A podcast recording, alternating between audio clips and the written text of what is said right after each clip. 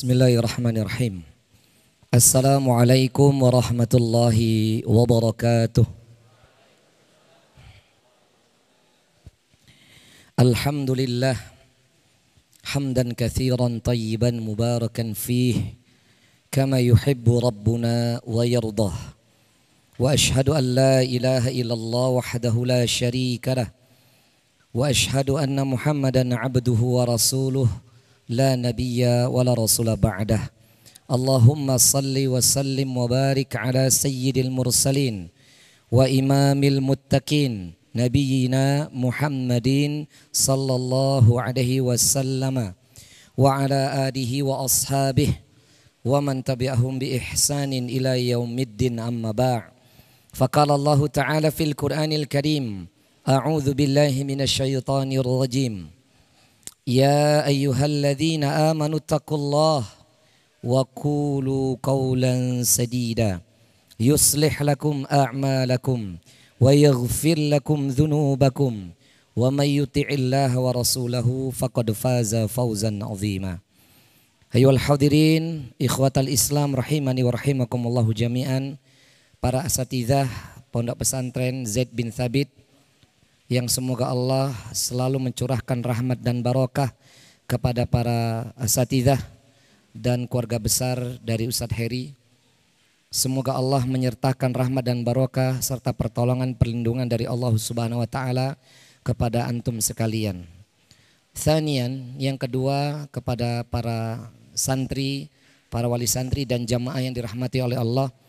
Semoga Allah menjadikan di hari Jumat ini menjadi hari di mana saksi, waktu bersaksi, tempat bersaksi semua menjadi saksi di umul akhir bahwasannya kita pernah berada di jalan Allah, pernah berada di dalam il amal yang sangat dicintai oleh Allah.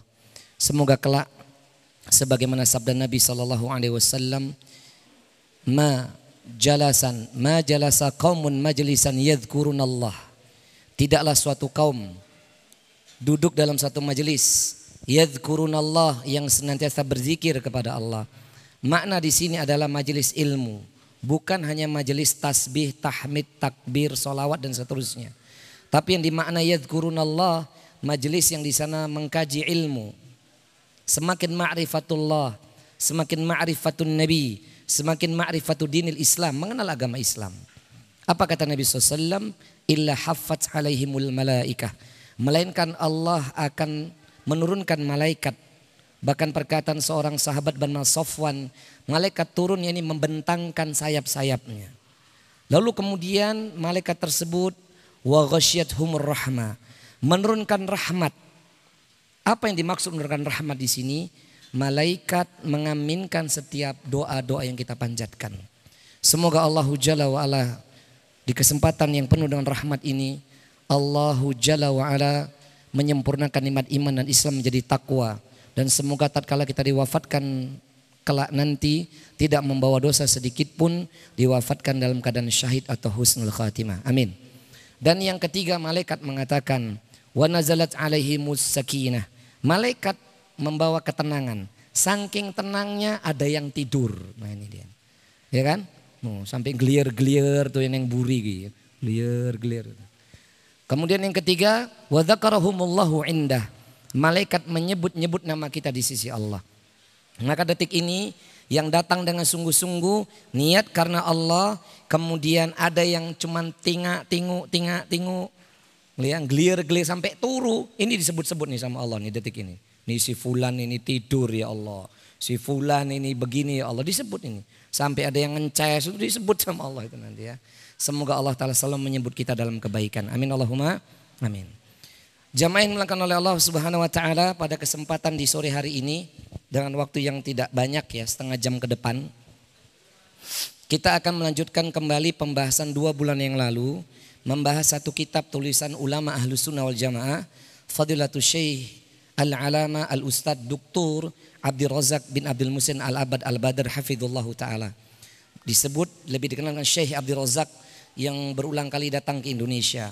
Pengajar tetap di Masjid Nabawi dan juga pengajar tetap di Universitas Islam Madinah. Mudah-mudahan santri saya bisa, ada yang bisa sampai sekolah nanti sampai di Madinah. Amin Allahumma amin. Di dalam kitabnya Asyur Qawaid fi Tazkiyatin Nafsi, 10 kaidah dalam membersihkan jiwa. Ingat jamaah, di Muqaddimah yang lalu kita sudah memaparkan, kita mendengar bersama kenapa kita harus membahas masalah ini. Kenapa hati kita harus bersih? Saya sudah sampaikan, yang Anda lupa itu loh, lupa ini kayaknya. Yang pertama, saya sudah sampaikan kenapa kita harus bersih jiwanya. Karena Allah nggak akan ber, mau bertemu dengan hamba yang kotor itu hatinya. Nggak mau ketemu. Saya sudah jelaskan dalilnya. Surah Asy-Syu'ara ayat 88 89. Yang kedua, alasannya karena Allah Taala ingin agar setiap jiwa kita yang sempurna awal penciptaannya agar kembali sempurna penciptaannya. Dan saya sudah bacakan kemarin dalilnya dalam surat Asy-Syams ayat ke-9 dan ke-10. Sampai saya jelaskan di pertemuan yang lalu maksudnya dijelaskan oleh Syekh Abdul Razak, saya terjemahkan kitabnya. Bukankah Syekh mengatakan menukil firman Allah sampai bersumpah terhadap lima ayat-ayat Allah. Lima makhluknya. Bersumpah dengan matahari, bersumpah dengan rembulan, bersumpah dengan siang, bersumpah dengan malam. Baru Allah Ta'ala mengutarakan bersumpah dengan langit dan bumi. Lalu Allah mengatakan, wa nafsi wa ma sawwaha demi jiwa yang sempurna Allah menciptakannya. Jadi jiwa kita ini sempurna asal muasal penciptaannya.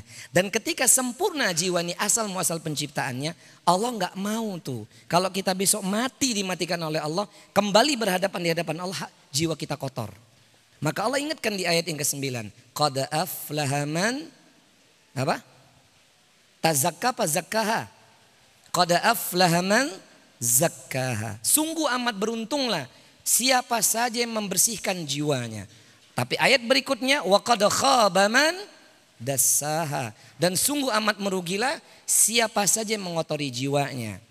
Ya, hari ini kita akan lanjutkan di kaidah yang pertama. Sebelum di kaidah yang pertama kita lanjutkan, ingat jemaah, kita datang dalam majelis ilmu ini supaya tidak terkena penyakit yang berbahaya. Yang ini penyakit diwariskan, diwarisi maksudnya muasal dari iblis, yakni al-kiber. Som, sombong. Dan sombong ini tingkatannya macam-macam sudah saya jelaskan. Pertama ya, gerbang orang itu nanti jadi sombong ujub. Ya, supaya kita tidak ujub, maka kita bahas ini. Bangga diri, merasa lebih baik, yang lainnya di bawah dia, ujub. Itu penyakit iblis. Kalau ujub nggak mau disembuhkan, ini saya saya ringkas ya dari tiga kitabnya. Pertama kitab Ad-Da'wa Ad-Dawa Al-Imam Ibnu Qayyim Al-Jauziyah. Kemudian Jamilul Wal Hikam kitabnya Al-Imam Ibnu Rajab Al-Hambali. Hatta ungkapannya Al-Imam Al-Ghazali dalam kitabnya Ihya Ulumiddin. Ujub ini penyakit gerbang pertama. Maka kalau di antara kita masih ada ujub merasa lebih baik, ini nih hati-hati. Maka akan ada penyakit kedua kemarin saya jelaskan, sum'ah. Sum'ah itu yang dasar apa? Senang kalau kebaikannya disebut-sebut orang. Dan sum'ah terparah adalah gila pujian dan rindu pujian. Ya, ini bahaya ini. Kalau kita senang kebaikan disebut-sebut, Masya Allah, uh, senang nih. Walaupun Alhamdulillah. Omongnya Alhamdulillah tapi hatinya senang. Itu sum'ah itu. Afan ya, maaf ya, paham ya jamaah ya, paham gak? Kalau omongnya senang, Masya Allah, Alhamdulillah. Ini lisannya Masya Allah, Alhamdulillah. Hatinya senang, sum'ah. Dan sum'ah terparah adalah rindu pujian dan gila pujian. Dan kalau dihina orang, sakit hati. Dipuji orang, ngefly gitu ya. Nah, itu sum'ah. Kalau sum'ah nggak mau disembuhkan, muncul penyakit ketiga. Ini penyakit dosa besar. Bahkan di dalam kitab Tauhid, Syekh Muhammad At-Tamimi rahimahullah taala menukil hadis sahih Muslim. Sampai dikatakan oleh beliau dalam dua hadis ini. Ini disebut nanti adalah asyirkul asgor. Nabi mengatakan, tidaklah sesuatu yang lebih aku khawatirkan menimpa diri kalian wahai umatku. Melebihi kekhawatiranku daripada fitnatul dajjal. Apa dia ya Rasulullah? Asyirkul asgar. Ma makna syirkul asgar? Arya pamer. Kalau orang udah ujub, nggak mau disembuhkan, sudah sum'a nggak mau diobatin, pasti riak. Kalau udah riak kelas, habis jamaah. Kalau mau tahu dal tentang riak itu buka surah Al-Baqarah ayat 264 itu. Posisi ayat dia lembar sebelah kiri dari tengah ke bawah. Coba dibuka. Ya yuhalladina amanu la tubtilu sadaqatikum bil manni wal adha. Dan seterusnya. Itu. Kalau ria nggak mau disembuhkan, maka muncul penyakit hati berikutnya hasad. Nah hasad ini udah nggak ada obatnya dah. Hasad ini udah nggak ada obatnya. Dan hasad yang paling berbahaya, hasadnya seorang yang alim. Hasadnya seorang ustadz. Na'udzubillah, summa na'udzubillah. Nas'alullah salamul afiyah. Kalau orang yang udah pernah mondok jadi ustadz punya hasad itu lisannya racun. Percaya nggak? Iya, kalau sudah racun itu bahaya. Bisa mempengaruhi orang. Ya, paham jamaah ya? Soalnya dia menyebar kebencian. Kalau orang sudah hasad tuh orang dititipi ilmu tapi nggak barokah ilmunya. Ngomong ke murid-muridnya untuk membenci fulan, menghina fulan, merendahkan fulan. Itu hasad. Hasad itu nggak akan berhenti sampai Allah Ta'ala memberikan dia hidayah atau dia bertobat kepada Allah. Nanti di dalam kitabul jami Al-Imam Ibn Hajar Asqalani menjelaskan dalam hadis sahih Bukhari. Au ghairuh hasad itu seperti api melahap kayu bakar. Maknanya apa? Hasad menghabiskan semua kebaikan. Jamaah masih di sini? Masih di sini? Lanjut? Atau mulai mulai aja? Mulai bahasa Jawanya mulai mawon ya. Lanjut buatan. senyum dulu, senyum. Ono sing turu glier glier ngono. Turunya masalah nyenyak luar biasa. Pak ingat Pak ini belum di Raudhah. Yang wis ke Raudhah itu Ustaz Heri, kita belum. Ngene gliur ya. Lanjut nggih? Lanjut. Ngeleh. Yo sami, sabar. Enggak, guyon Pak, guyon, guyon. Saya udah makan insyaallah. Lanjut ya. Maka jamaah yang dibilangkan oleh Allah, kalau sudah hasad, ini saya ringkas saja nih. Kalau sudah hasad, nanti muncul penyakit yang dimiliki iblis, al-kibar, sombong. Sombong ini hakikatnya dua kan. Ketika Nabi mengatakan dalam hadis sahih Muslim, la yadkhulul jannata, enggak akan dimasukkan tuh seorang hamba yang dia memiliki kesombongan walaupun seberat biji zarrah. Lalu tiba-tiba sahabat Ansor datang menghadap Nabi. Saking ketakutannya. Kalau kita dengar ini kan biasa aja. Santuy kita nih dengar ini. Kalau sahabat dengar ini gemetar jemaah. Itulah yang dikatakan Allah. Innal, innal mu'minuna. Itu yang dikatakan innal ladina amanu. Atau di dalam ayat yang lainnya ya. Misalnya Allah Ta'ala katakan dalam surat Al-Anfal itu kan. Sesungguhnya orang mukmin Idza dzukirallah. apabila disebut asma Allah. Wajilat kulubuhum. Bergetar hatinya.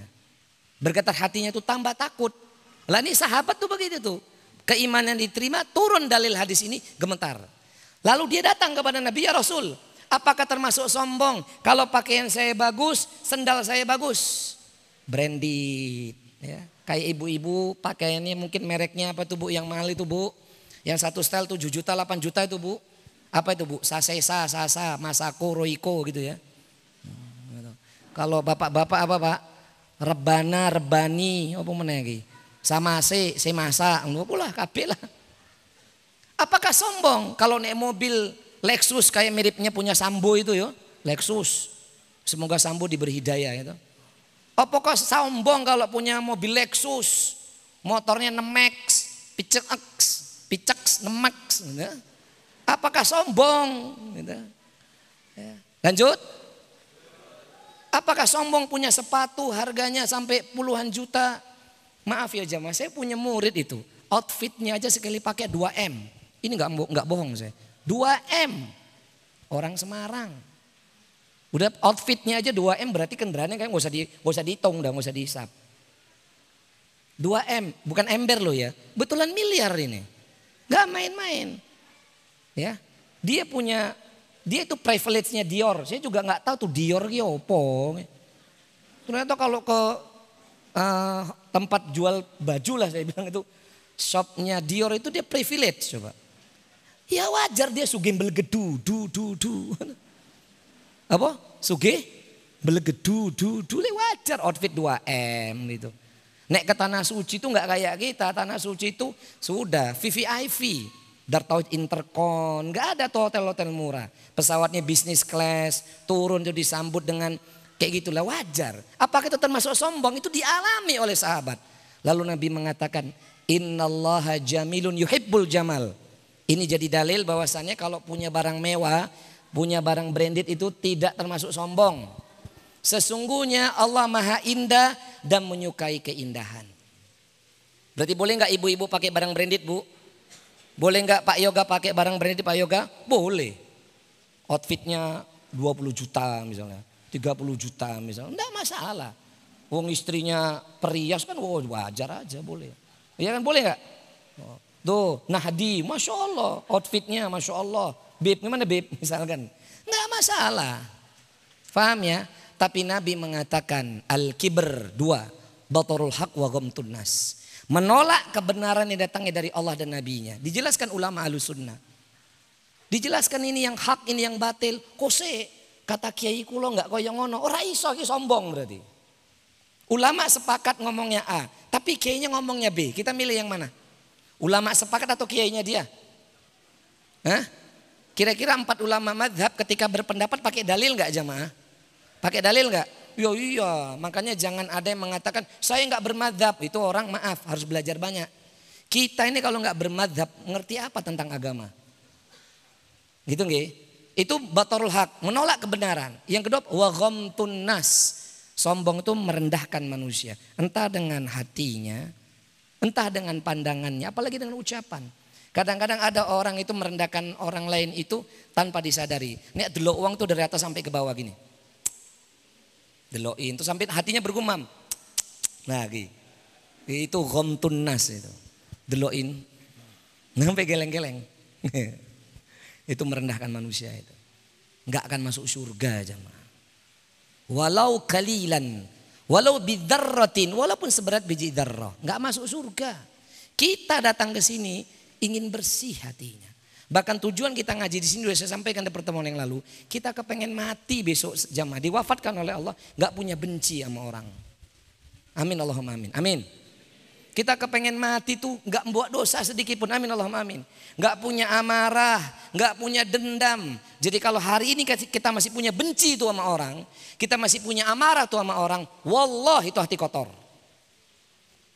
Allah gak menjumpa sama kita aja nggak mau ketemu, mau walau tuh hafal Quran, hafal hadis, nggak akan Allah bertemu dengan kita. Maka untuk itu kita akan belajar. Berapa menit lagi nih saya? Tinggal 12 menit baru mulai aku, gitu. Sebentar, ngaji di sini enak banget, cuma setengah jam mulai, enak. Alhamdulillah. Lanjut. Ya, makanya kalau mau lama datangnya cepet pak. Nyun saya nggih. Gak apa-apa nggih. Saya pertemuan yang lalu nunggu 40 menit. Nah, kalau mau ngaji sama kulo lama, besok datang sini jam 4. Sepakat ya? Lanjut ya. Jadi sholat asar di sini lah. Nanti tak usahakan asar di sini. Kalau enggak ya saya dari sana habis asar. Ya. Iyalah. Harusnya kan ustadz yang ditunggu murid. Masa murid ditunggu ustadz? Adabnya pripun? Gurunya yang ditunggu murid atau muridnya ditunggu guru nih? Dua-dua nih. Ya salam. Lanjut. Yang datang lebih awal semoga pahalanya banyak. Yang datang terlambat pahalanya banyak. Oh, enak, enak banget ya. Saya datang dari awal santri berarti ya. Pahalanya luwe akeh. Amin Allahumma. Saya datang paling terlambat pas kafaratul majlis. Semoga diampuni dosa-dosanya. Tayyib. Al-qaidatul ula. Tips yang pertama, kaidah yang pertama kata Syekh Abdul Razak, pembersih yang pertama dan utama untuk bersih jiwa kita dari segala kotoran adalah at-tauhidu aslu matazakku bihid nufusi. Tauhid. Mentauhidkan Allah merupakan sumber utama pembersih jiwa. Jadi tauhid. Berarti kalau hatinya sebaliknya naudzubillah semua naudzubillah min dzalik. Kalau hatinya punya kotoran, kalau hatinya itu ada kesyirikan, berarti itu sumber kotornya jiwa. Bahasa mudanya gini jemaah. Kalau ada seorang hamba, amin semoga bukan kita nggih, amin Allahumma amin. Ada seorang manusia si fulan, hatinya ada kesyirikan, maka demi Allah itu menjadi magnet datangnya dosa-dosa besar begitu banyak.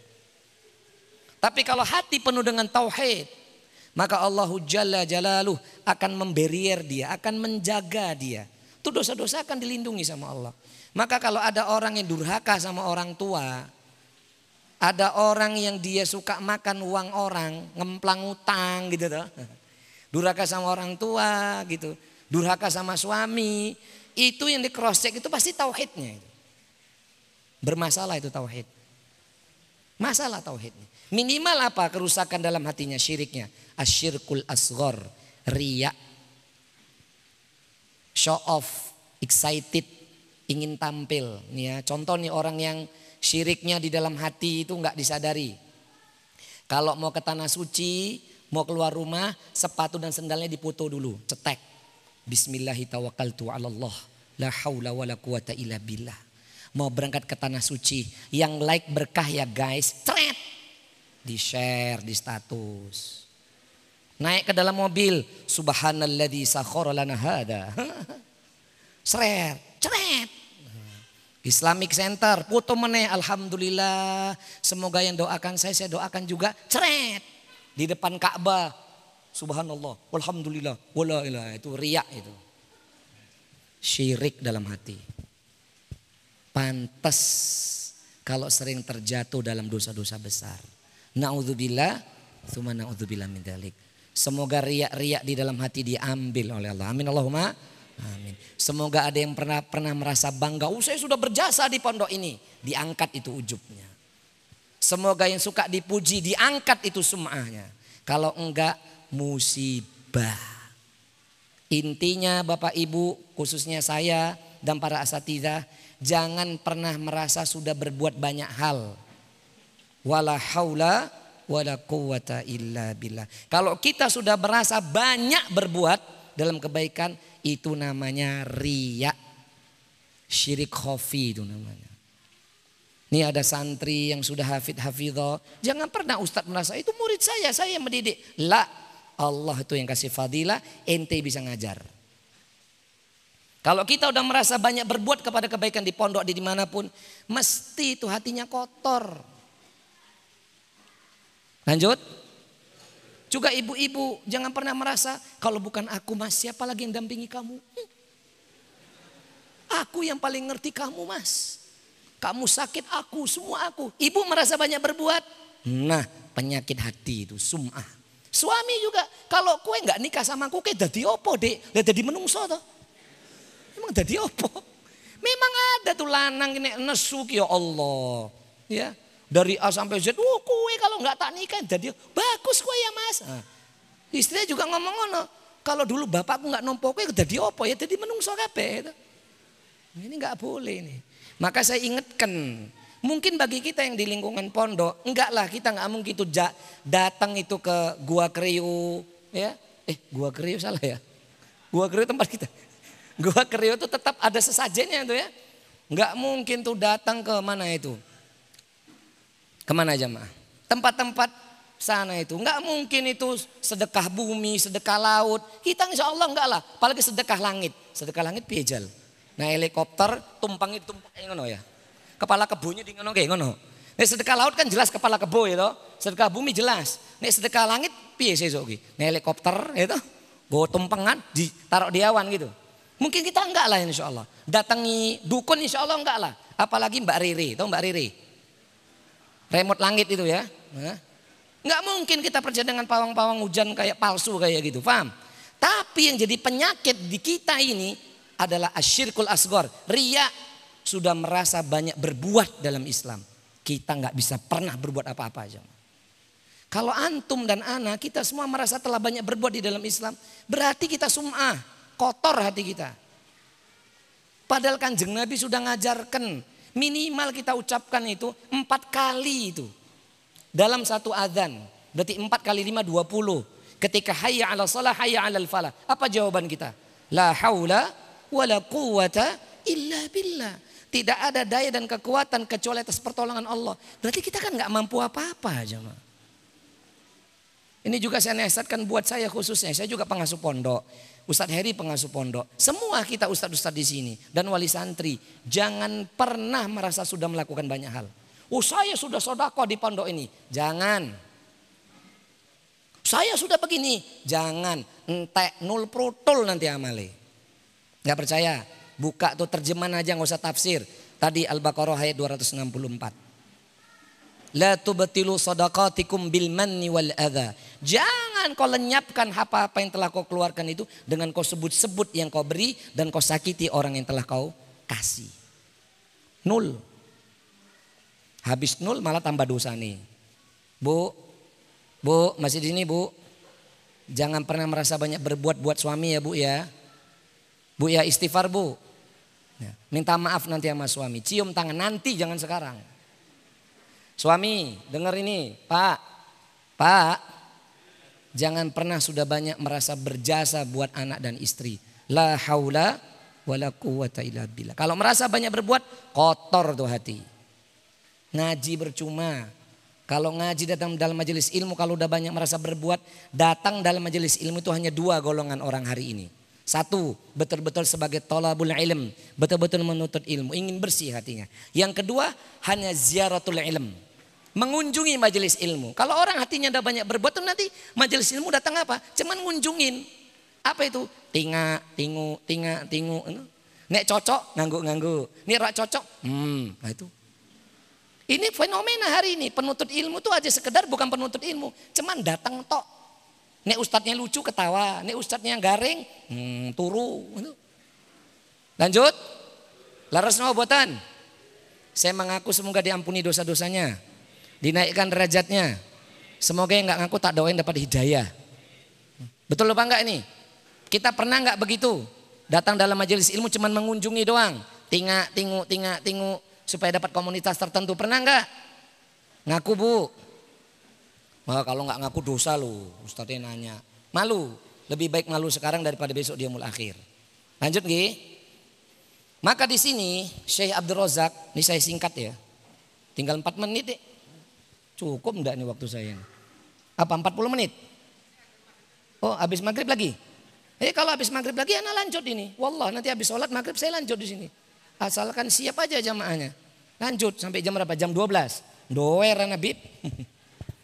lanjut ya. Jamaah. Di sini Syekh membagi tiga.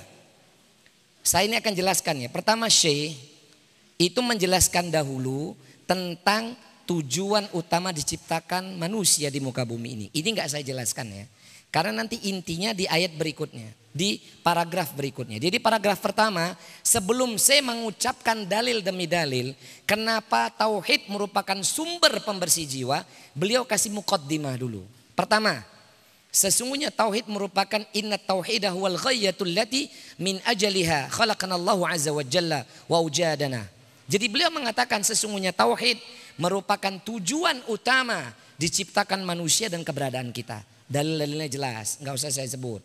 Terus yang kedua, beliau menjelaskan mihwar dakwah. Jadi sum mihwar dakwah di sini maknanya apa? Konten utama dakwahnya para nabi dan rasul adalah tauhid. Saya ulangin ya, dakwah nabi dan rasul yang utama adalah tauhid. Dimulai dari zaman Nabi siapa? Nabi siapa? Nabi siapa jemaah? Mas, Nang? Nabi siapa? Hah? Ibrahim? Salah. Jangan buka saya Google. Ayo angkat tangan santri, Ustaz kasih 50 ribu. Beneran 50 ribu. Dompetku mana ya? Muning kono. Nah, nanti habis kajian anak kasih. Angkat tangan, Ustaz kasih 50 ribu. Jangan takon sebelah belai. Nanti bagi dua, bagi dua, nggak boleh. Santri, santri, lima puluh ribu. Ayo. Ya. Ono, ono, neng kene ono, alhamdulillah. Ayo. Nanti habis kajian Ustaz kasih. Jangan tanya Ustaz eh. Hah? Nabi Nuh, barakallahu fik, nanti lima puluh ribu. Nanti, jangan sekarang. Nanti Ustaz kasih. Ini santri bukan? Lu bukan, waduh. Kepengen dapat lima puluh ribu Ustaz lagi keke ini. ya batal sudah ya. Jadi Nabi Nuh sampai Nabi Muhammad SAW.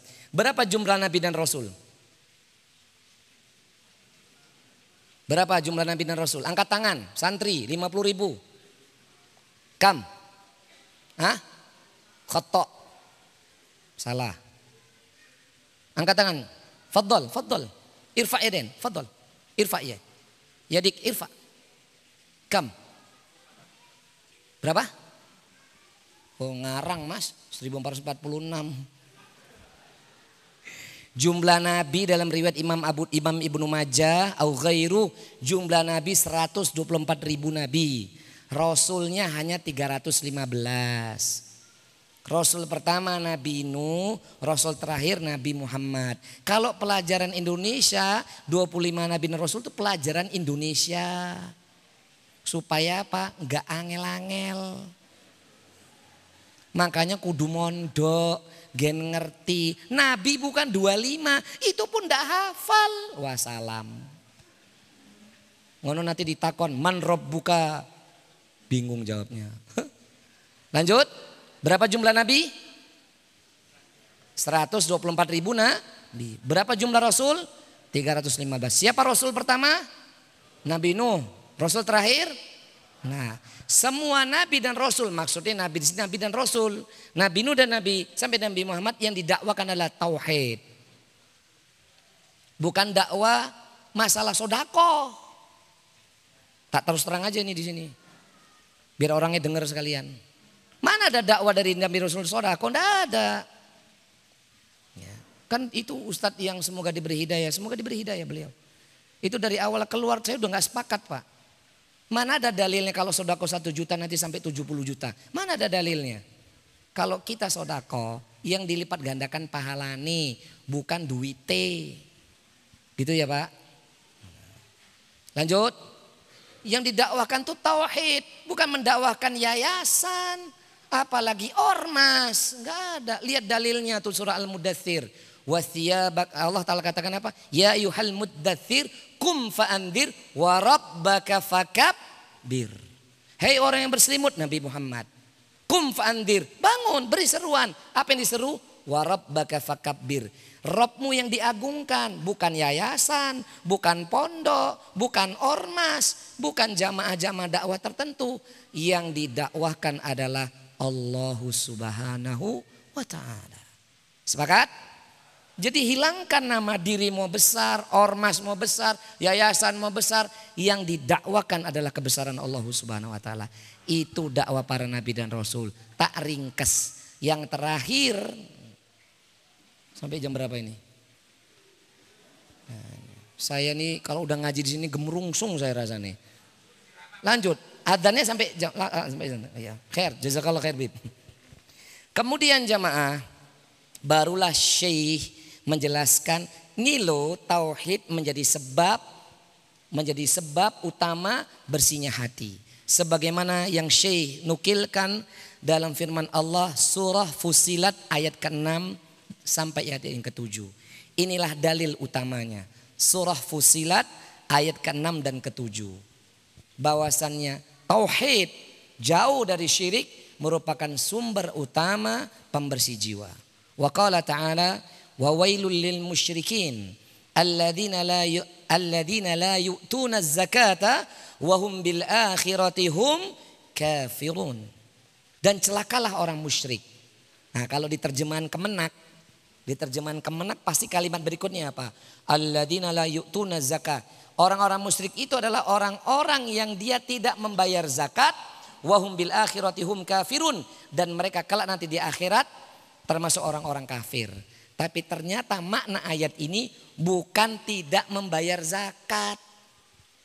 Kenapa kemudian kita ini kalau baca Quran, baca terjemahan, ndak boleh menafsirkan sendiri, harus berguru sama seorang yang alim, ada kitabnya. Ngaten nggih?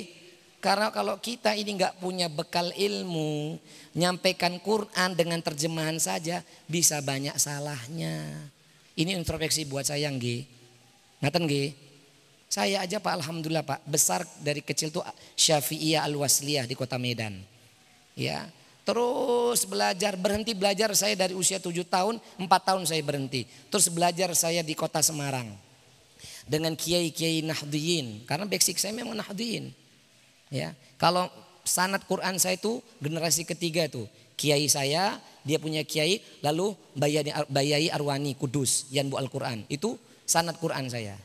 Kalau sanat kitab saya itu Bayai Muslih Futuh yang Meranggen. Jadi ini sanat-sanat. Kalau manhat saya belajarnya itu di Masjid Nabawi. Belajar lagi. Di sana saya talaki, di sana saya tahsin, belajar akidah, belajar adab. Walaupun gak sebentar, walaupun gak lama, sebentar.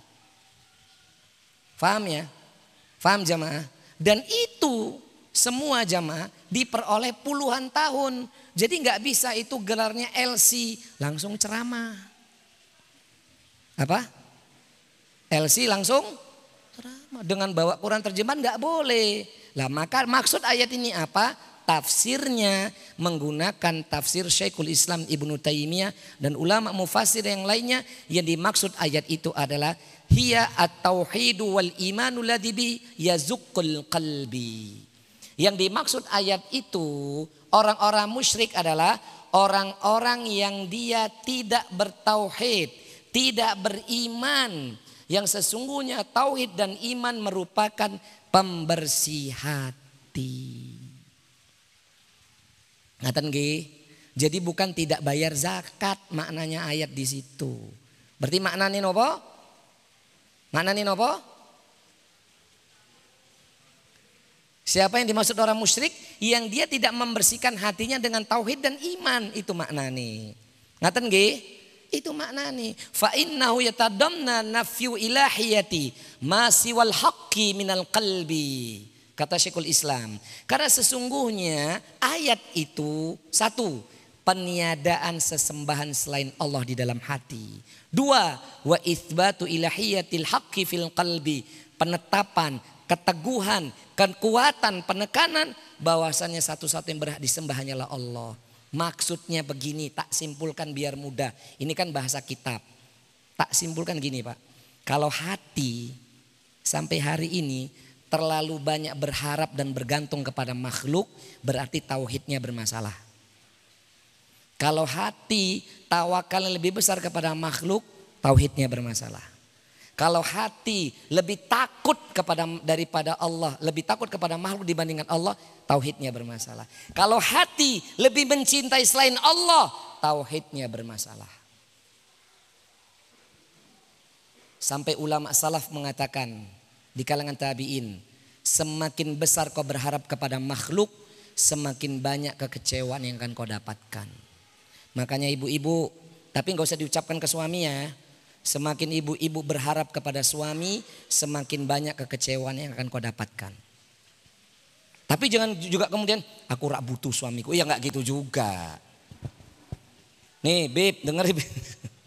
Kalau seorang laki-laki berharap penuh sama istrinya supaya ngurusin anak-anak, berarti semakin banyak kekecewaan yang akan kau dapatkan. Pasangan itu hanyalah wasilah Bapak Ibu. Sama Bapak Ibu nitipkan anak-anak di pondok ini. Terlalu besar berharap kepada Ustadz Heri dan Asatidah yang lainnya. Semakin banyak kekecewaan yang akan Anda dapatkan. Berharap hanya kepada Allah Ta'ala saja. Wa mayyatawakkal 'ala Allahi fahuwa hasbu. Karena yang mencukupkan itu hanyalah Allah, bukan makhluk. Gitu nggih? Lanjut. Senyum.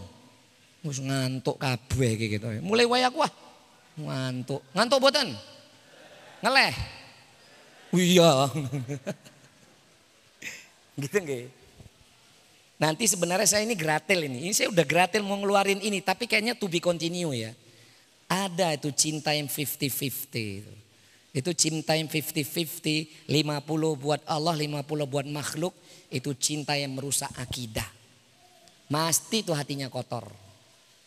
50 buat Allah, 50 kepada makhluk.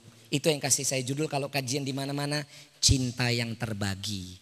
Dikirai jamaah ibu-ibu bicara poligami. Padahal cinta yang terbagi itu 50 kepada Allah, 50 kepada selain Allah.